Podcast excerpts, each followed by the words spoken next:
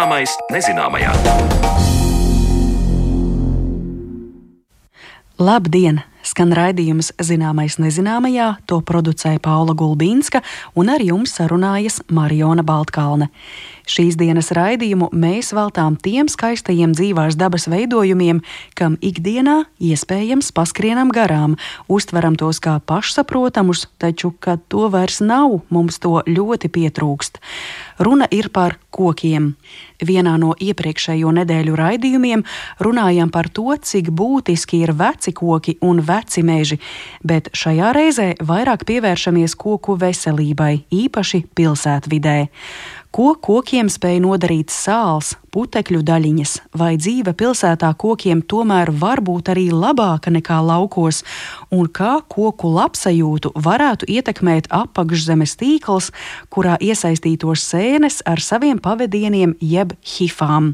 Raidījuma otrajā daļā par to runāsim ar pētniekiem Zigmundu Orlovski un Guntu Čeksteri. Bet iesākumam mana kolēģe Zane Lāce Baltāksne sagatavojusi stāstu par koku veselības pārbaudēm, tiekoties ar arboristu Edgars Neilandu. Šo materiālu tad aicinām klausīties turpmākajās minūtēs. Laužat meitas, ko lauzdamas, galotnītes nelaužat, lai palika galotnīte, kur putniem uzmesties cik lielā mērā tiek apgrieztas galotnes un citi zari koka vainagā, kā tas ietekmē koka dzīvi, kā notiek koku formēšana pilsētā un kā speciālists pārbauda pilsētā augošo koku veselības stāvokli. Par to saruna turpmākajās minūtēs. Līdzīgi kā cilvēkiem, tiesa daudz maz apzinīgiem ļaužiem, reizi gadā notiek veselības pārbaude, vēlējos uzzināt, kā notiek pilsētas parku un apstādījumu koku stāvokļa novērtēšana. Uz manu jautājumu, vai ir tā, ka reizi gadā arborists pārbauda sabiedriskās vietās augošos kokus, Sijā labie koki uzņēmumu vadītājs, arborists un koku speciālists Edgars Neilands, smaidot atteica, ka esmu uzbūrusi ideālu ainavu kā tam vajadzētu notikt, bet ir Eiropā valstis, kur tā tiek darīts. Par to attālināti ierakstītā sarunā stāsta Edgars Neilāns. Ir pasaulē valstis un pilsētas, kur tā patiešām notiek.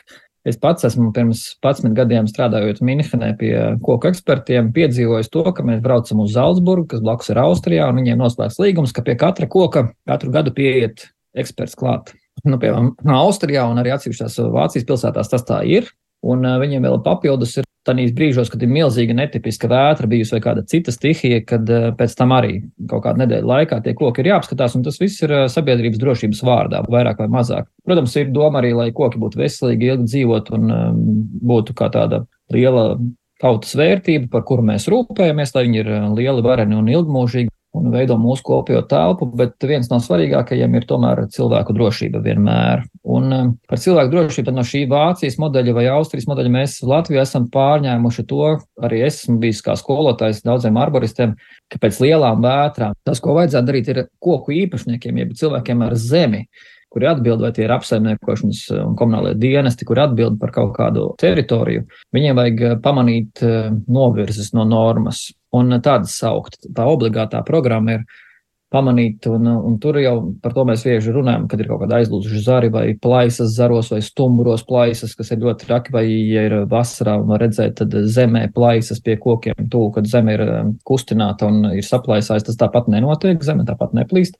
To tā mūsu valodā sauc neatgriezeniska deformācija, ka notiks, ka ir sarautas saknes vai, vai stumbrā vadaudi vai koks ir sācis lūst, bet nav nolūzis līdz galam. Tās ir pēc vētrām. Un otra lieta, ko vajag vērot kokiem, tāpat ir augļu ķermeņi un eh, tādas atmiršanas, zaru galu kalšana vai vainaga lielu daļu, vai citreiz tā ir, tā ir kāda slimība, kā holandas gobu slimība, ka lapas vasaras vidū pēkšņi paliek eh, dzeltenas kokam. Un tā ir tāda vizuāla novērtēšana, līdz cilvēks saprot, ka kaut kas ir ārpus normālā, un tad sauc eksperts. Un tas, protams, ir daudz lētāk. Tā ir tāda ugunsgrēku dzēšanas metode, Bet eh, jauki, ka kāds iedomājas, ka arī pie mums varētu būt tā, ka mēs pieejam pie katra koka, protams, mežā ne, bet ārpus meža augošiem kokiem, īpaši tur, kur ir daudz cilvēku, un paprasām, kā tev iet, draudziņi. Un paskatās, paklauvē drusciņu un ieliek ķeksīti zaļo vēlams. Tā statistika arī bija tāda, ka 90 pat 95% koku viss ir kārtībā. Un tad ir kādi 5% līdz 10% tiem, kuriem kaut kas, nu, ja tā katru gadu pārbauda, tiem ir drusku, nu, ja tā cilvēkiem, ja tad iesnas vai, vai kaut kas drusītiņi, tad jāpaskatās ar viņu, kā palīdzēt, un apmēram 1% līdz 0,5% eh, bija koki, kurus tomēr atzina par savu mūžu nodzīvojušiem. Un cenu, kad tam kokam bija agresīvas sēnes stumbrā, un viņam apakšā bērnu dārs, jau milzīgi daudz bērnu pilsētas centrā, un, un tad speciāls vienā gadā pieņem to lēmumu, kad ar griešanu vai ar sviešanu to mēs esam visu darījuši. Tā tas ir piecus gadus, tā desmit gadus nodzīvojis, bet nu, ir tas brīdis, kad sabiedrības nu, riski vai drošība ir svarīgāka. Un tad koku nozāģē teiksim, gadu vai trīs vai piecus gadus pirms viņš pats nogāžās. Un uh, rezultātā tas mērķis ir panākt ļoti lielus, ļoti vecus, svarus kokus pēc iespējas ilgāk, ļoti publiskās vietās, kur ir daudz cilvēku, un um, analizēt riskus, nozaļot brīdi pirms viņi gāžās. Neprofesionāļiem liekas, ka bieži vien no visiem lieliem kokiem jābaidās. Un tas tāds uh, arī tāds profesionāļu uznāciens ir pēc vētrām, pēc stihijām, kad ir nogāzies, nedod Dievs, kādu koku kaut kur nosits, tas ir bijis televīzijā, un tad cilvēki ļoti sabīstās un nozāģē arī ļoti drošus kokus. Un tad tas nodrošinājums ir cilvēkiem pamanīt pazīmes. Arī sēnes nenozīmē, ka koks uzreiz ir jāzaļ nost, ja piemēram uz stumbra auga vai pie stumbra apakšā zemē auga.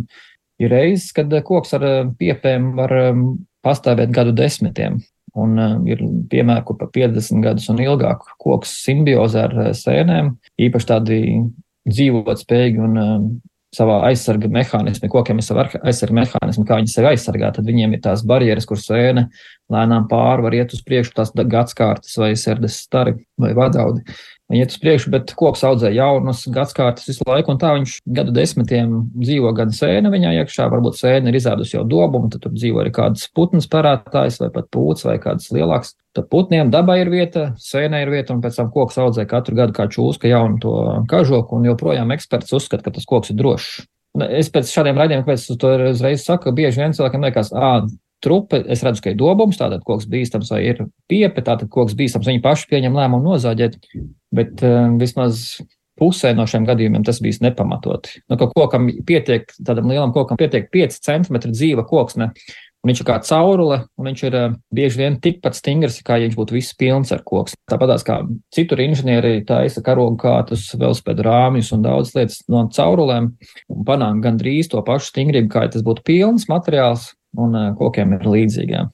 Tas par kokiem nu, pēc kritiskām situācijām, bet ja mēs runājam teikt, par koku tehnisko apkopi ikdienas situācijā, Piemēram, ja skatāmies uz eh, mūsu galvaspilsētu un uz liepu aleju no brīvības pieminekļa līdz Elizabetes ielai, kur eh, tās liepas ir skaistās formās apcirtas, ir cilvēki, kur saka, vai, vai kokam tiek nodarīts pāri, ir jāļauj augt tiem zariem, tiek apgriezt. Citi atkal saka, nu, tas ir tāpat kā cilvēkam mati, ka mēs apgriežam un piešķiram frizūru. Tagad prasīšu jums, kā tas ir šis gadījums es nebūšu tāds ļoti neitrāls, jo esmu ierosinātājs idejai šiem kokiem. Tas jau ir, man liekas, desmit gadus atpakaļ, kad uh, es biju vēl super aktīvs un saskatījies Eiropā, bija kā ar kokiem risināt jautājumus. Tad mums bija ļoti daudz, no tad iepriekšējā periodā koku, kuri bija sakropļot, ka viņiem griez nost vainagus, un tad bija trupe un, un liepām. Pie mums tā bija tradīcija, ka nogriež nost galotni vienreiz desmit vai divdesmit gados. Viņi attaug un visiem liekas, lapu mazāk, koks mazāks, viss kārtībā. Un mums pieredzējuši pasaules eksperti sāk teikt, nu tā nedrīkst kokiem darīt.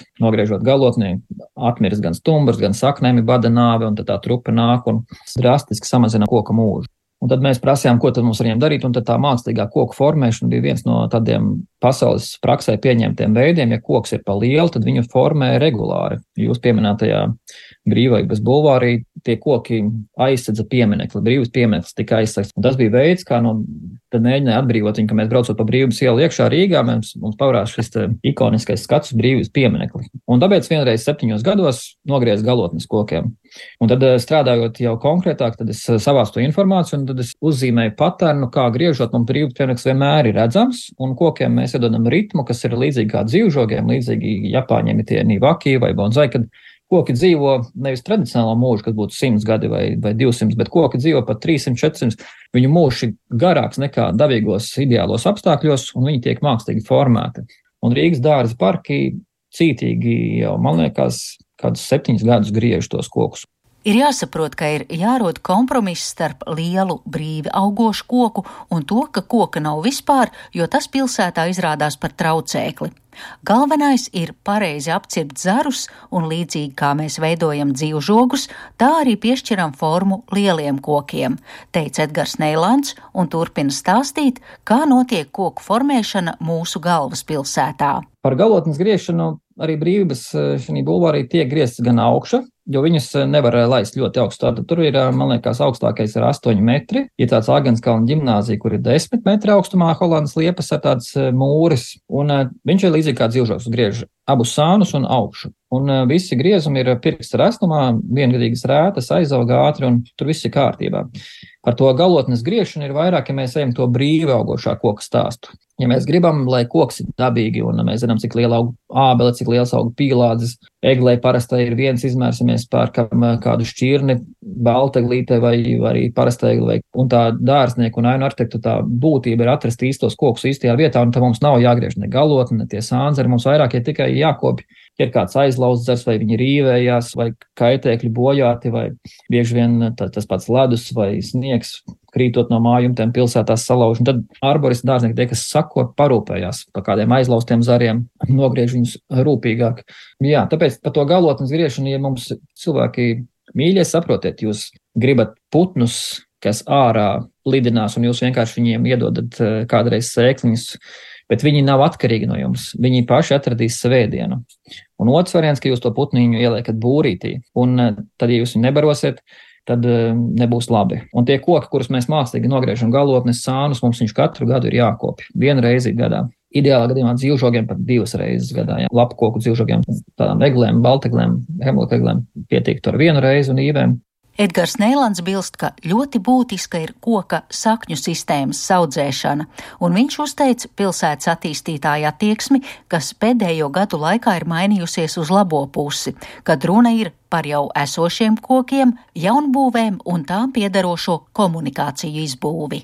Ja mēs runājam par koku veselību, tad liela lieta ir nenocirst saknes, ieliekot komunikācijas, kas joprojām notiek. Un arī tur mums Latvijā ir liels uzlabojums. Kad es braucu uz meža parku, un tur taisnība arī būvējot, piemēram, gan ūdensvadu, gan uh, kanalizāciju, gan trešais bija gāze, trīs komunikācijas, piemēram, mm. tur ir liepa alēja. Tāda. Visas trīs komunikācijas šobrīd tur um, ir traucēta satiksme, cilvēki droši vien drusku bēdīgi par to, bet uh, būvējās jaunais meža parks, un viņiem visas komunikācijas tiek ievietotas nebojātas saknes jau. Vēsturiski vienmēr būtu atrakta tranšai, noraktas saknes, un tad ieliek komunikācijas. Tagad uh, visi šīs milzīgie arī caurulis uh, tiek ievietotas divu, trīs metru dziļumā, un saknes koki aug vispār nejūtot to. Un tā ir um, stāsts par to, ka Latvijā koku vērtība arī ir um, pacēlusies droši vien manas dzīves laikā, ja mēs esam sapratuši cēloņu un saku sakarību, ja, kad, uh, ja mēs nocērtām saknes, tikpat daudz, cik mēs nocērtām saknes, nokaltīs arī kokiem zari, un tās ir pie koku veselības droši vien svarīgas atziņas, ko vajag iemācīties. Jā.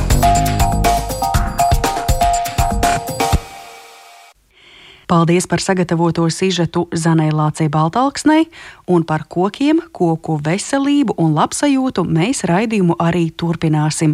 Runāsim par to, kā koki jūtas pilsētvidē, un šim stāstam aicinu pievienoties jau pēc neilga brīža.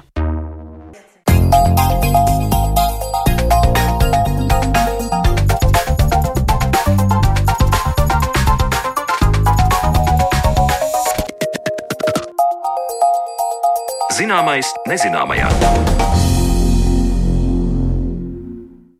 Pilsēta bez kokiem nevar. Tas ir skaidrs katru vasaru, kad ellīgā tveicē vienīgais veldzējums ir koka pēnā. Šo brīnišķīgo augu klātbūtne ir svarīga ne tikai ēnas radīšanai vasarās, bet cilvēku labsajūtai un galu galā arī veselībai. Taču kas tik kokam nav jāpārcieš pilsētā - šaurība, piesārņojums, zaru apcirpšanas un sakņu ierobežošana, vēl visam pa virsu sāls ziemā kādu ietekmi tas atstāja uz koka dzīvildzi un kā uzlabot koku labsajūtu pilsētā. Mani viesi studijā, ar kuriem koku dzīvi iepazīsim labāk, šodien ir Latvijas Universitātes bioloģijas fakultātes docents un Latvijas biomedicīnas pētījumu un studiju centra pētnieks, projektu vadītājs Zigmunds Orlovskis. Sveiks, Zigmunds! Sveicināti! Un viņam pievienojas Latvijas Universitātes bioloģijas institūta vadošā pētniece Gunta Čekstere. Sveicināti! Sveiki! Un, Gunta, es vispirms eh, vēršos pie tevis, jo 2011. gadā, jau pirms laba laika, Latvijas Universitātē esi aizstāvējusi, izstrādājusi promocijas darbu par vides faktoru ietekmi uz Holandes liepu vitalitāti Rīgas apstādījumos. Pie šī promocijas darba un tā secinājumiem es vēlāk vēl atgriezīšos, bet eh, šobrīd vispārināti, kā varētu teikt, ar kādām grūtībām grūtībām kokiem ir jāsaskaras pilsētas vidē.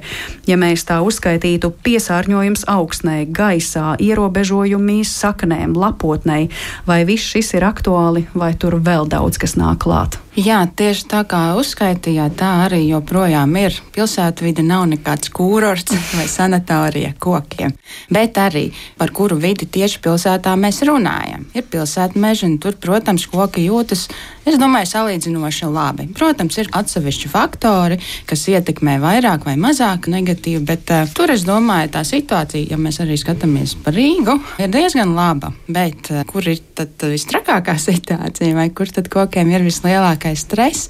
Un arī mans pētījuma objekts daudz gadu garumā ir bijis ir pilsētu ielu apstādījumi. Un tieši ielu malās augošie koki. Rīgai jau daudzus gadu desmitus jau ir tā kultūra vēsturiski raksturīgs liepu stādījumi, visvairāk holandas liepu. Pēdējos gados arī kādas citas sugas tiek stādītas. Jā, un tad pētījumi parāda, ka viennozīmīgi tie ir augstnes apstākļi, augstnes piesārņojums, ķīmiskais sastāvs, kas ietekmē gan sāls, gan arī barības elementu un disbalansu. Daudzreiz arī runā par smagajiem metāliem. Ja mēs skatāmies par to saturu augstnē, kas no vienas puses arī smagie metāli kā dzelzs, mangāns ir augie mikroelementi, pateicoties augstnes reakcijai, lai arī šīs koncentrācijas ļoti lielas, augiem viņas nebūtu nav tik kaitīgā līmenī, varētu pat teikt, ka veidojas pat relatīvais deficīts. Piemēram, mangāna gadījumā liepas nemaz nevar uzņemt to mangānu, kas ir augstnē pie pH 7, kad ir jā, elements neuzņemamā formā, un tad ir novērojama pat uh, lapām chloroze, nu, kā vēta fotosintēze. Tad, tad um, dažādi bioķīmiskie procesi ir aizkavēti lapās, un arī koks tik labi vairs neaug. Ja mēs skatāmies uz vēl kādiem tiem piesārņojuma avotiem, nu, viennozīmīgi tas ir sāls, ziema arī tagad. Mums ir izkritis ļoti daudz sniega, veidojas aplidojums.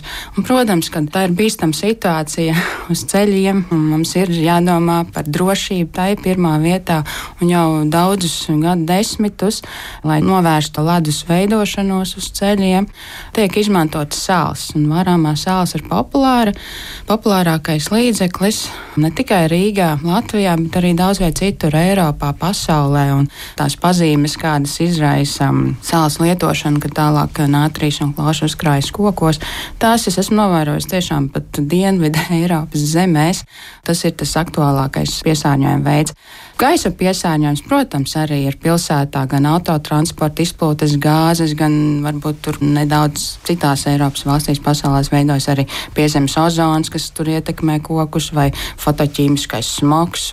Latvijā tas eh, nav tik aktuāls, bet eh, nu, nedaudz arī, protams, ietekmē automašīnu izplūdes gāzi. Mēs pirms daudziem gadiem veicām arī pētījumus par liepu, lapu šūnu, vai tur ir kādi bojājumi vai nav. Un uh, ievācot paraugus no dažādas intensitātes ielu posmiem Rīgā, Kanzas iela, Krišāna Valdemāra iela un tā tālāk, parādīja to, ka tādi bojājumi nav novērojami. Līdz ar to man liekas, ka Rīga ir uh, no gaisa piesārņojuma viedokļa kokiem labvēlīga, mm. un mēs uh, nevaram šobrīd, šodien, mūsdienās par to runāt. Ir bijis gan pirms vairākiem gadu desmitiem, kad darbojās superfosfāta rūpnīca meža parkā, priedes kalta pastiprināti. Priedes ir koki, un līdz ar to gaisa piesārņojuma ietekme nu, izpaužas pat uh, stiprāki, jo nu, tās skujas nenobirst rudenī, un viņas turpina akumulēt tātad gaisa piesārņojumu nu, cauru gadu. Mm.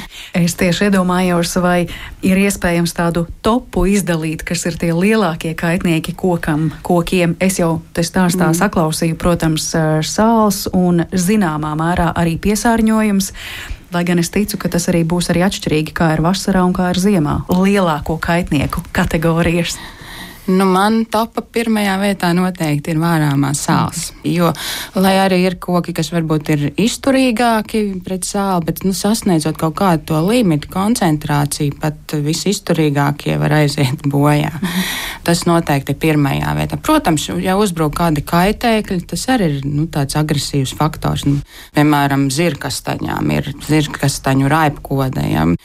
Vienas sezonas laikā, mainoties klimata apstākļiem, kad mums paliek ar vien siltāk ilgākas un karstākas vasaras var attīstīties pat piecas paudzes šo kaitēkļu. Un kāpuri izalo lapas, un tā tad arī ir bojājumi, traucējumi fotosintēzē. Nu, tur tas viss ir tāds domino efekts ķēde. Līdz ar to lapas nobirst, atšokurojas, gadu no gada koks ir novājināts, un viņš tādā veidā arī var aiziet bojā.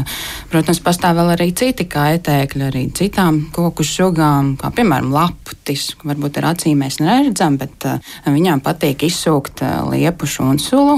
Vizuāli tad varbūt mēs nemaz nenovērojam tos bojājumus, bet šūnu līmenī viņa pastāv. Mm. Es pareizi saprotu, ka tiešām tās atšķirības ir nelielos attālumos. Piemēram, Gunta minēja Krišjāņa Valdemāra ielu. Man tas arī bija pirmais piemērs prātā uzreiz. Es iedomājos to lielo plato ielu, kas pēc tam aizved uz Vanšu tiltu un savienotā tad pārdaugavu un Rīgas centru, kur automašīnas trolēbusi, autobusi nemitīgi pārvietojas. Un pēc tam turpat ir eh, Basteikalns, Basteikanāls un liekas, mēs uzreiz nokļūstam tādā it kā mierīgākā vidē, labi, tur tramvajs brauc garām. Varbūt jums arī pašiem ir nācies eh, pieredzēt, ka šādā nelielā attālumā tā koku veselība jau atšķiras. Jā, pat blakus augoši koki mm. var atšķirties. Viņiem pat veselība, kur arī viens no tiem iemesliem tieši šis ķīmiskais augsnes sastāvs, arī, nu, cik es esmu konstatējis tieši, jā, sāls daudzums, tātad nātrija un chlorīģiona, un uh, arī attālums patiesībā no braucamās daļas ir ļoti būtisks, jo tuvāk ielas braucamajai daļai viens, divi metri zona, tā ir tāda ļoti nelabvēlīga. Sākot no trim metriem no brauktuves pētījuma rāda, ka tur jau situācija krietni ir labāka ar kokiem. To Jā. pētījumu arī citās valstīs, piemēram, viens pētījums Sanpaulo, Brazīlijā, arī salīdzināja kokus urbānajā vidē, kas aug pilsētvidē, bet vairāk industriālā un mazāk industriālos rajonos. Un tur viņi izsecināja, ka lielākais tas ietekmējušais faktors ir tieši daļiņas, putekļi, putekļu daļiņas, kas ir 10 mikrometri vai mazākas, kas nosēžās uz koku lapām, kavē fotosintēzi, un tas ir tas galvenais izskaidrojošais aspekts koku augšanas ātruma atšķirībām, gredzenu izmēriem un tā tālāk. Un tas nebija ne mitrums, ne arī citas lietas. Viņi pat arī atklāja, ka fosfors ir pozitīvi ietekmējis eh, koku augšanu.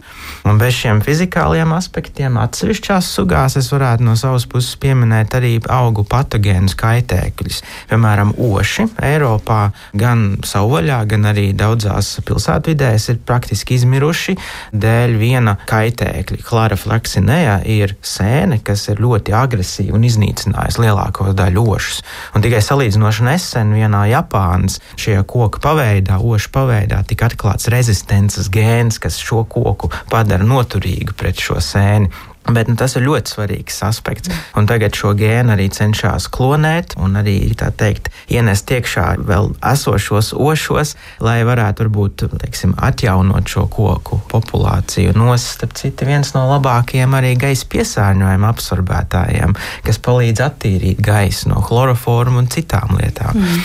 Starp citu, par tiem stiprākajiem, izturīgākajiem kokiem šķiet Guntas vienā teikumā arī tas pavīdēja par to, ka arī kādi spēcīgāki vecāki koki var kļūt eh, jutīgi, ja runa ir par vārāmo sāli. Ir tad arī tās kategorijas, atkal stiprie koki un ne tik stiprie koki, oši, tās pašas holandas liepas, ko Gunta tu pētīji. Koks ietekmē ļoti daudz tie apstākļi un faktori, un ja viņi būs izturīgāki pret vieniem, varbūt būs kaut kādi apstākļi, pret kuriem mazāk. Nu, piemēram, jā, tagad arī poļiem ir daudz pētījumu veikt par ginku. Nu, mums arī Rīgā centrā parkos aug ginks. Viņš ir izturīgs pret sāli, patiešām iztur ļoti lielas koncentrācijas, arī salīdzinoši pret eh, atmosfēras piesārņojumu. Bet eh, kur ir tā problēma mūsu klimata apstākļos, tā salizturība atkal ir atkal mīnus ar to, kā viņš ieaugsies, cik ilgi un cik ātri atkal augs. Nu, līdz ar to arī Holandas liepa viņa no vienas puses ir izturīga pret gaisa piesārņojumu. Jā, uz viņas akumulējas sodrēji, visādi putekļi, tumšas lapas un tā tālāk, bet gal galā viņas ir vitālas. Viņas pacieš arī apzāģēšanu, vainagu veidošanu. Tātad pilsētu vidē, kas mums ir diezgan raksturīga, šī vainagu veidošana ļoti labi atjaunojas pēc tam. Bet nu, pret sāli viņas var izturēt kaut kādu to līmeni, bet nu, tad viņām klājas grūti. Mm -hmm. Kā vēl ir ar uh, mitrumu? Koki pat ne tikai par kvartālu vai ielu atšķirībām mēs runājām, bet arī viens otram blakus esoši var atšķirties. Un te es iedomājos, ja ir lietus vai citā veidā koki saņem mitrumu, kāds taču arī to ar savu lapotni var saņemt vairāk, kāds mazāk. -hmm. Un tad tas arī ietekmēs koku veselību, vai ne? Protams, jā, pilsēta tādā ziņā būs izteikti mozaīka kurā, kolēģi pieminēja, jā, tas katrs koks būs savādāks. Un melna augšņi, kas varbūt augsts kanāla malās, mitrās vietās, jau ir dabiski pielāgojušies tam, un viņi būs droši vien tur sastopami un vispiemērotākie. Savukārt citu vietu ir kā citi koki. Un es domāju, ka tās koku sakņu sistēmas pilsētā, es nezinu, vai kāds ir pētījis, būtu ļoti interesanti ar kaut kādu tomogrāfijas vai ultrasonogrāfijas metodi pētīt, cik dziļi īstenībā stiepjas koku saknes, veidot kaut kādu 3D modeli tieši pilsētu vidē, lai saprastu, cik dziļi koks var iestiepties un šos resursus, ūdeni ieskaitot, arī paņemt. Tas būtu, man liekas, ļoti interesants pētījums, ko kāds varētu veikt. Es varu te papildināt, kad es atceros to tagad piemēru, kad pirms daudziem gadiem, kādiem 20, Kronvalda parkā ierīkoja pazemes autostāvvietu. Daži koki tika izcirsti, bet nu, vairums palika virs viņas, bet uh, tuvāko dažu gadu, nu es nepateikšu cik, vai viens, divi vai trīs gadu laikā, vairāk koki tieši virs uh, stāvlaukuma. Un tā tad eh, vai nu tas dziļums pazemes stāvvietas nebija pietiekoši liels, vai nu, kaut kādas izmaiņas gruntsūdens līmenī, hidroloģiskajā režīmā tomēr bija tik lielas, ka nu, aptuveni droši vien varētu vērtēt simtgadīgi koki nokalta. Ja mēs tagad uh, staigātu pa Rīgas ielām, Rīgas parkiem un arī vasarā, ir kādas um, tādas regulāras saslimšanas, kas ir vērojamas kokiem. Šķiet, chloroza vienā brīdī izskanēja kā tāda saslimšana, ir arī kas cits vērojams. Chloroza veidojas pamatā ir nu, barības elementu deficīts, kāds dzelzs visbiežāk, kas ir tipiski novērojams. Uz žožolapām var miltrasu redzēt, bet nu, tas ir arī tādas tipiskas problēmas, kas ir ar ārpus pilsētas vides. Varētu teikt, arī mūsu dārzos vai mežos, ko mēs varam redzēt, kļavām, piemēram, kvēpsēnes attīstība vai arī dažādu citādu kukaiņu kaitēkļu izplatība. Mm -hmm. Jā, jā, interesanti, ka arī lasīja pētījumu par to, kā atšķirās koku noturība pret kaitēkļiem pilsētā, tieši pilsētas mežos un ārpus tās. Un pētnieki atklāja, ka temperatūra ir tas ietekmējušais faktors. Proti, pilsētas ir siltākas, ir tā saucamais siltuma saules efekts, tas ir viens, un līdz ar to daudziem kukaiņiem tas ir pateicīgāk, lai vairotos un attīstītos straujāk. Tā kā tādā ziņā pilsētas ir bīstamākas vietas. Un interesanti šajā pētījumā salīdzināja kokus, kas aug vieni paši paši, un koks, kas auga pilsētas mežos. Un tajos pilsētas mežos bija novērots, ka koku tā temperatūra ir aptuveni par grādu līdz grādu pusotru vēsāka nekā individuāli augošos kokos. Un kaitēkļi tur bija mazāk nekā tajos kokos, kur bija augstāka temperatūra, proti, kas auga pa vienam. Un pētījumā tas bija tāds zviņu kukainis, tāds ļoti maziņš kukainītis, kas principā saug gandrīz vai vizuāli nevar atšķirt viņu no koka mīzes. Un viņus ir ļoti grūti nolasīt, iznīcināt iznīdēt, vai tie dabiski ienaidnieki arī nav. Un arī precesija kāpuri, e, limantrija, ģins arī kāpuri daudz vietā Eiropas parkos, it sevišķi lapkoku parku ainavās, ozolos ir tie, kas arī nodara daudz bojājumus.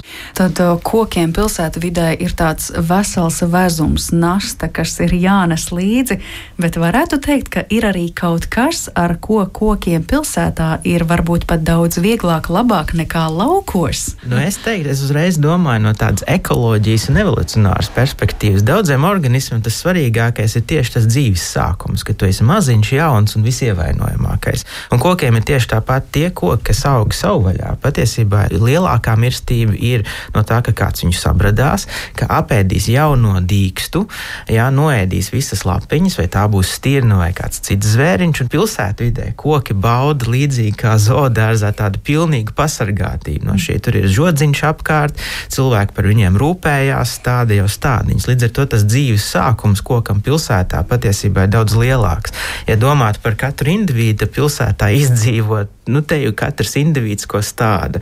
Varbūt pēc tam viņam klājās grūtāk piesārņojuma sāls un citu apsvērumu dēļ, bet tādā ziņā pilsēta vide ir īsti tāda paradīze jaunam kokam. Jā, un eh, šajā pilsētā vidē šķiet mēs arī tos kokus tad varbūt vēl vairāk iemīlam, jo saprotam, cik ļoti mums tie ir nepieciešami. Un te atcerēsimies stāstu par sarkano ozolu, būvējot Rail Baltica. Tā bija vesela ažiotāža mēdījos par to, ka šī koka bojāja un nedrīkst pieļaut, ka tas ir jāpārstāda. Un tas tiešām bija vesels stāsts, kā tas tiešām arī tika izdarīts. Vēl Gunta, pakavējoties mirkli pie tava promocijas darba, ko es pieminēju iepriekš, tātad par Holandas liepām un to vitalitāti secinājumi attiecībā uz koku veselību toreiz nebija iepriecinoši. Piemēram, tika secināts, ka bieža sāls, atkal pie sāls mēs atgriežamies, tātad sāls maisījuma lietošana apledojuma novēršanai ir būtisks faktors, kas negatīvi ietekmē Holandas liepu fizioloģisko stāvokli Rīgas centrā, izraisot traucējumus barošanās režīmā un veicinot lapu nekrozes un koku vainaga atmiršanu, kā arī pazeminot to ekoloģisko un ainavas vērtību. Un kopumā Holandas liepu vitalitāte Rīgas centra ielu apstādījumos bija vērtējama kā slikta. Tas bija 2011. gads, ja šos mērījumus, kas darbā tiešām ir aprakstīti ļoti plaši, izdarītu tagad, kā tavuprāt, tā aina veidotos. Man jāsaka tā, ka īsti nevarētu salīdzināt, jo, cik es esmu apsekojis tās vietas, nu, tie ir tā ikdienā, ja garām sanā, daudz koku vairs neeksistē. Jā. Tas vien ir slikti. Tas vien, ja mēs salīdzinām, jā, ja vajadzētu salīdzināt, kāda ir koka šā brīža izskats, vitalitāte un tā tālāk. Daudz kur iela apstādījumos ir jauni stādījumi izveidoti, aizstājot vecos, tādus jau padzīvojušus un jā, ar sliktu vitalitāti esošos kokus. Arī tīri no drošības viedokļa, jo viņi nu, bīstam, var nolūst un tā tālāk. Man gribētos teikt, nu, nav jau veikti. Vismaz es neesmu veikusi tādus eh, regulārus pētījumus katru gadu, bet uh, gribētos domāt, ka uh, nav tā dramatiski pasliktinājies, bet nav arī tā būtiski uzlabojies. Mm jo sāls jau nekur nav pazudusi. Jā, bet ir, eh, es zinu, ka geogrāfijas zemezināļu fakultātei profesora Meleča vadībā daudzus gadus bioindikācijas eh, lekciju kursu ietvaros studenti septembrī gāja ielās un veica konkrētos centra ielu kvartālos eh, liepu apsekojumus, novērtēja lapu bojājumu intensitāti. Un tad bija tāda interesanta arī sakritība, ka tad, kad bija maigākas ziemas, tad nākamā gadā tie lapu bojājumi bija mazāki lielāki. Savukārt, tad, kad bija augstākas ziemas, ir vairāk sniega un, protams, atkušņiem un tā tālāk, kad arī intensīvāks sāls bija lietot, tad eh, koku stāvoklis lapu vizuālais bija sliktāks. Mm. Par to, kas iespējams, iespējams vēl kokiem varētu palīdzēt Varbūt tās ir attiecības ar citiem organismiem, un te es, Zigmund, vēršos tavā virzienā. Mēs šovasar esam tikušies sarunā par mikorizas sēnēm un pazemes internetu, mhm. par to, kā sēņu hifas palīdz augiem nevien gūt barības vielas, bet varbūt pat brīdināt par kādiem bīstamiem signāliem, uzbrucējiem. Ja mēs šoreiz runājam par lielajiem augiem, par kokiem, tad eh, kāda varētu būt pilsētas koku sadzīvē atkal ar citiem organismiem, kukaiņiem, kaitēkļiem, aputeksnētājiem, sēnēm. Mm -hmm. nu jā, tas ir kaut kas, ko mēs varbūt zinām vis, vismazāk. Tas ir tas enigmātiskais jautājums. Mēs tik, tikko sākam izprast, kas notiek mežos, kur mēs esam apjautuši, ka koki varbūt saslēgti vienā tīklā ar pazemes sēnēm, kas veido šīs labvēlīgās attiecības. Vai tas pats notiek pilsētās? Mēs pavisam godīgi nu, nezinām. Mm. Man nav zināms neviena pētnieku grupa pasaulē, kas ir specifiski pētījusi tieši šādu jautājumu, vai pilsētvidē koku puduris savā starpā ir saistīts ar šādām sēnēm vai nē. Protams, ka pilsētā ir ļoti daudz izaicinājumu. Tas ir pazemes vibrācijas, tas ir jebkas, kas tiek virspusē augsnes virskārta bojāt vai veidot asfalta kārtas vai citas. Tas viss iespējams samazina šo sēņu labjūtību, klātesamību. Bet izslēgt mēs nevaram. Mums tiešām būtu empiriski tas jāpārbauda, jāiet augsnes paraugi, jāpaņem par to. Un tad būtu ļoti interesanti, jā, vai tiešām koki ir saslēgti savā starpā arī pilsētā. Šajā vasarā, braucot uz konferenci, biju lielā pilsētā, Bostonā. Un Bostona ir ļoti fascinējoša ar to, ka viņiem ir tā saucamā Emerald Necklace. Kas tas ir? Tas ir būtībā nepārtraukta koku vai meža virtene. Vismaz viena aleja, kas stiepjas, tur laikam bija vismaz 40 jūdžu garumā, nepārtraukti. Un tas uzreiz ir sistēma, kas potenciāli varētu būt saistīta savā starpā. Būtu ļoti interesanti pētīt, kas tur ir apakšā, kas ir tieši augsnēs. Mēs kaut kur Rīgā varbūt arī tādas alejas varam novērot, vai ne? Raņa bulvāris man nāk prātā. Jā, Latvijā, teiksim, pilsētu vidē salīdzinoši daudz koku un mežu, kas nav viens izolēts koks, bet vesels koku pudurs vai kaut kas lielāks. Un tās ir vietas, kur varētu šo te meklēt. Protams, bez šīm labvēlīgajām asociācijām ar mikorīzes sēnēm ir arī daudz strupes sēnes, kas noārda koks. Nu, tās tāpatās kā mežā ir arī pilsētvidē. Tad kur ir tie organismi, par kuriem mēs vislabāk zinām par viņu dzīvošanu kopā ar kokiem, jau pieminētie kaitēkļi, kukaiņi? Droši vien, ka jā, kad būtu droši teikt, ka tie ir tie, ko vislabāk mēs zinām, jo viņi uzreiz rada bojājumus kokos. Un, ja tie bojājumi pietiekami nopietni, kā es minēju, šo piemēru ar rošiem, jā, tas uzreiz ir, tā ir aktualitāte, tas ir kaut kas redzams un diagnosticējams. Un tāpēc mēs par to zinām. Par pārējo mēs zinām mazāk, jo to ir grūtāk novērot un dažkārt grūtāk ir izskaidrot. Vai, piemēram, kokā šī dzeltēšana, vai to izraisa kāda slimības klātbūtne, vai tā ir kāda chloroza no mikroelementu trūkuma, piemēram. To dažkārt ir ļoti grūti saprast. Arī uh, lekcijās, piemēram, studentiem rāda attēls no kukurūzas, lai arī tas nav koks. Bet kukurūzai ir sarkanas lapas, ja viņai ir fosfora trūkums. Un sarkanas lapas arī tajā gadījumā, ja viņi ir inficēti ar vienu noteiktu baktēriju, kur bioķīmiski maina auga metabolismu tā, kas atgādina fosfora trūkumu. Pateikt to sākotnēju iemeslu ir neiespējami no šī ārējā izskata. Tā kā arī pilsētvidas kokos varētu būt milzīgi daudz lietu, kas izraisa šīs nekrozes, chlorozes un visādas citas lapu vainaga bojājumus. Viena lieta, kas noteikti ir pamanāma, ja mēs aplūkotu koku īstos laukos un koku uz Krišjāņa Valdemāra ielas, būtu piemēram ķērpji. Un ķērpji ir tīras vides indikators, kas noteikti pilsētā uz kokiem ir daudz, daudz mazāk. Tur varbūt reizēm tādas gaisa aļģes tik ir vērojamas, savukārt uz lauku kokiem tur veseli ķērpju kalni lejas. Bet ķērpjos, kā zinām, sastāvā arī ir sēne. Jā. Vai šī sēne būtu pietiekamā daudzumā no šiem ķērpiem, lai iespējams kokam sniegtu kādu labumu, vai arī tas ir nu, tik niecīgs daudzums, ka tās būtu spekulācijas? Mm, šeit es gribētu teikt, ka tās sēnes specifiski dzīvo kopdzīvē ar aļģi, un tad, viņas neveidos kopdzīvi ar koku. Ķērpis jā, ir ļoti specifisks veidojums, kur šīs abas sugas aļģu šūni, kas fotosintezē un piegādā oglekli, sēnei, kas piegādā ūdeni un citas barības barības vielas. Tas ir pats par sevi tāds kā simbiotisks organisms lai arī sastāv no diviem organismiem patiesībā. Šī pati sēne, kas ir ķērpjos, nu, diezin vai formēs attiecības jebkāda veida ar pašu koku. Tas ir kaut kas pilnīgi nodalāms. Mm. Bet ir taisnība, jā, ka vidas indikātori ir un arī pilsētā ir dažādi citi ķērpji, varbūt, kas aug uz kokiem, kas atkal indicē varbūt netik tīru vidi kā citas ķērpju sugas ārpus pilsētas. Par uh, vēl koku tādu dzīvildzi pilsētā, tu jau Zigmund minēji, ka nu nav tik daudz to pētnieku grupu, no kuru izdarītā varētu saprast, vai tas kokam sniedz kādu labumu vai ne.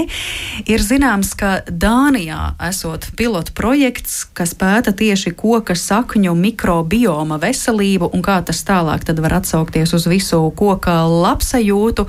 Proti, tas ir stāsts par mākslīgi sakomplektētu un pavairotu mikroorganismu organismu preparātu koku veselības uzlabošanai, nu, kas tad pēc tam atsaucas droši vien varbūt uz lapotnes kuplumu vai kādiem mm. citiem faktoriem. Cik daudz tev par šo ir zināms? Vai ir nācies saskarties, varbūt lasīt ko šādu par koku mikrobiomu saknēm? To noteikti var pētīt. Tas ir jāievāc ir paraugi no šīm saknēm, no augsnes jāizdala DNS, kas satur arī ģenētisko informāciju par šiem mikrobiem, un sekvenējot to mēs varam to pateikt. Tā globāli mums ir tiešām ļoti mazs priekšstats vēl par šo te, bet noteikti to var darīt, un dažas grupas ir uz šī ceļa.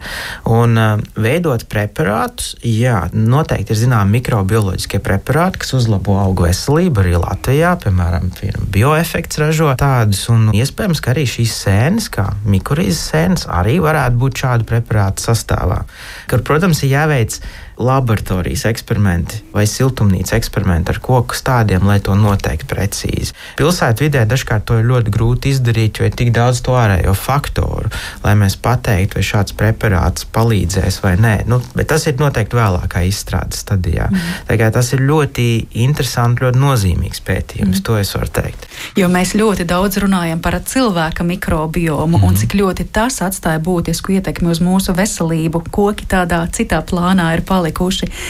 Kā tad šobrīd tas norit praktiski? Kā par kokiem jau notiek šīs rūpes, lai kaut ko tiem piegādātu no barības vielām, parkos, apstādījumos? Jā, protams, par kokiem, kur ir tikko iestādīti, rūpējas arī Rīgā. Var to novērot. Viņam tiek ierīkots speciāls caurulis, pa kurām pievada barības vielas, un arī laistīšana notiek. Tiek veikta arī minerāla mēslošana. Man laboratorijā jau dažus gadus atkal pēdējos sadarbojas ar Rīgas domu. Mēs veicam arī Krastielā un vēl citviet atsevišķus pētījumus par barības vielu nodrošinājumu, arī rekomendācijas izstrādājam. Tiek arī laistīti Bet, nu, protams, tur ir varbūt dažkārt birokrātiski šķēršļi, kuros šobrīd neiedziļināšos. Bet, eh, jā, notiek rūpes par kokiem. Vismaz pirmie nu, divi, trīs gadi noteikti par viņiem rūpējas. Nu, tad varbūt ar laiku tajā visā varētu pienākt klāts kāds mikroorganismu un sēņu maisījums, ar kuru kokiem palīdzēt.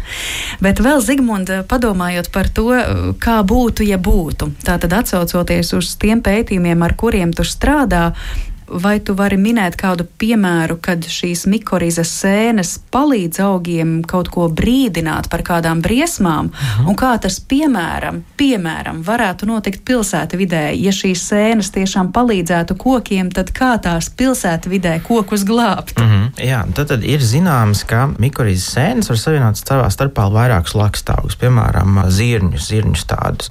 Un tad, ja šim vienam zirņu stādam, kas savienots ar blakus esošo augu, ar šo pazemes sēņu tīklu, ja viņam uzbrūk, piemēram, laputis. Tad šis otrs blakus esošais augs producē piemēram, citādus gaistošos savienojumus. Šie gaistošie savienojumi var pievilināt parazotīdu lapsenītes, kas uzbrūk šīm laputīm. Tātad vēl citu kukainīti, kas nogalina to sākotnējo kaitēkli. Un tas ir viens veids, kā šis varētu strādāt. Tad augi var viens otru brīdināt. Augi to dara arī bez sēnēm arī paši par sevi augi izdala gaistošos savienojumus. Tie ir ļoti daudz izoprenoīdu klases ķīmiskās vielas, kuras var vienkārši pa gaisu ceļot no auga uz augu. Un tā tipiskā arī priežu smarža, to arī starp citu raisa monoterpēni, kas ir arī brīdinājuma signāli, kas var šo saņēmēju augā ierosināt kaut kādas atbildes reakcijas. Tā kā tas var notikt gan ar, gan bez sēņu savienojumu. Un individuāli katrs koks, kam tiek pievienots šīs mikrorīzes sēnes, ūdens, viņš pirmkārt uzlabo minerālo barošanos, kas pēc tam ļoti labvēlīgi atsaucās pret šī auga stresa toleranci. Viņš kļūst noturīgāks pret daudziem dažādiem stresiem, karstumu, vasarā, sausumu vai, piemēram, sāli ziemā. Par to pēdējo nav empirisku datu ar un bez mikorizām vai citiem mikrobiem, bet tā ir tā spekulācija. Un arī šis viens augs var kļūt noturīgāks pret kaitēkļiem. Proti, šīs sēnes var ierosināt auga imunitātes ceļus, kuri arī ir aprakstīti un kuri var šo augu padarīt jau sagatavot šim nākotnes uzbrukumam.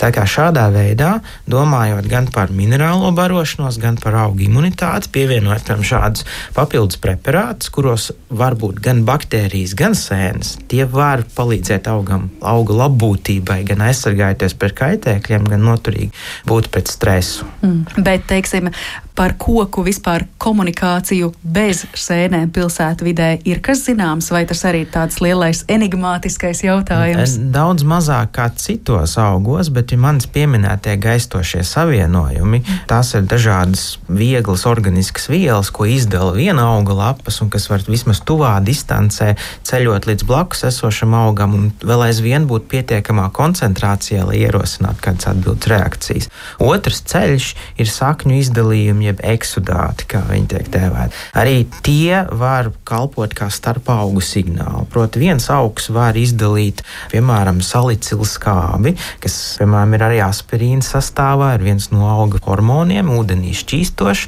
un tuvās distancēs vismaz viņš arī var sasniegt blakus esošā auga saknes un ierosināt aizsarga reakcijas, kas palīdz noturībā pret eh, sakņu baktērijām, kas uzbruk saknēm, sapņu puvēm un citām lietām. Tā kā tas varētu notikt, bet koki ir daudz mazāk pētīti. Ļoti aktīvi pētījumi ir tomātos bijuši, sojas pupiņās, kukurūzā, modeļorganismos, kā medikāgo, lucernai līdzīgs augs un arabidopsis tāls sīkplikstiņš. Šajos augos, ko ir viegli audzēt laboratorijā, mēs esam daudz dziļāk izpētījuši tos molekulāros mehānismus. Savukārt kokos netik ļoti. Mm. Un krūmaugi arī ir tāds liels jautājums. Jā, jā tādā nedaudz tāds pabērna lomā, varētu teikt. Jo tas ir saistīts jā, ar viņu ilgmūžību, ar augšanas ātrumu, ar tiem apstākļiem. Visi. Bet, protams, ir, ir iespējas arī pasaulē, ir kaut kādas modelēšanas, siltumnīcas, speciāls klimata kameras un tā tālāk tiek būvētas, kur modelē dažādi parametri un tiek pētījumi veikti un iespējams kaut kas no tā, ko Zigmunds pieminēja, arī Latvijā kādreiz varētu tikt veikts. Mhm. Kāpēc gan ne? Jā, es varu pieminēt arī vienu pētījumu, ko lasīju par gaisa saistošiem savienojumiem. Tieši pilsētas koki ir zināmi kā gaisa kvalitātes uzlabotāji. Viņi spēj sevi uzņemt un arī metabolizēt, padarīt mazāk toksiskus dažādas savienojumus, vai tas būtu ksilēns vai formaldehīds, kā arī ozons piezemes ozons ir respirators, iritants, kaitīgs, bet augi to spēj uzņemt. Un tad eh, vienā pētījumā tika arī salīdzināts, ir gaistošie savienojumi, kas spēj reaģēt ar slāpekļa dioksīdu un patiesībā veidot piezemes ozonu. Un ir citi savienojumi, kas var atkal reaģēt ar šo ozonu un padarīt viņu mazāk kaitīgu. Tā kā ir gan, gan koki ļoti dinamisks struktūras, kas spēj gan uzņemt un samazināt ozonu kaitīgumu, gan arī pat kaut kādās devās droši vien viņi paši ražot, izdalot šos gaistošos savienojumus. Nu, ko vesels kosmos izskatās.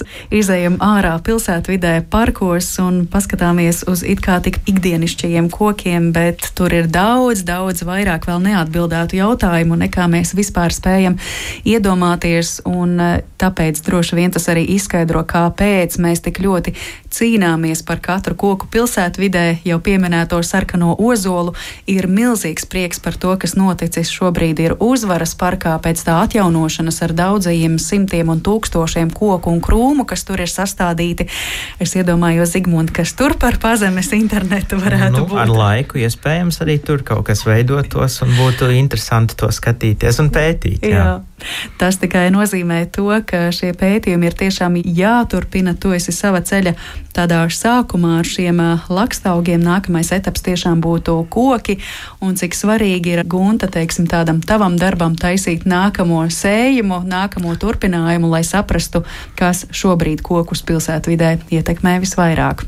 Saku jums abiem lielu paldies, ka šai koku vēl lielā mērā neizzinātajai, pilnībā neizzinātajai pasaulē jūs šodien veltījāt laiku, lai par to izstāstītu. Un klausītājiem atgādināšu, ka ar mums kopā bija Latvijas Universitātes bioloģijas fakultātes docents un Latvijas biomedicīnas pētījumu un studiju centra pētnieks, projektu vadītājs Zigmunds Orlovskis un Latvijas Universitātes Bioloģijas institūta vadošā pētniece Gunta Čekstere. Paldies jums abiem par sarunu. Paldies! Paldies! Un klausītāji, paldies jums par pievienošanos šim koku stāstam. Par raidījuma veidošanu gādāja Paula Gulbīnska, Gunārs Plūcis, Girts Bišs un pie mikrofona bija Mariona Baltkalne. Uz sadzirdēšanos un visu labu!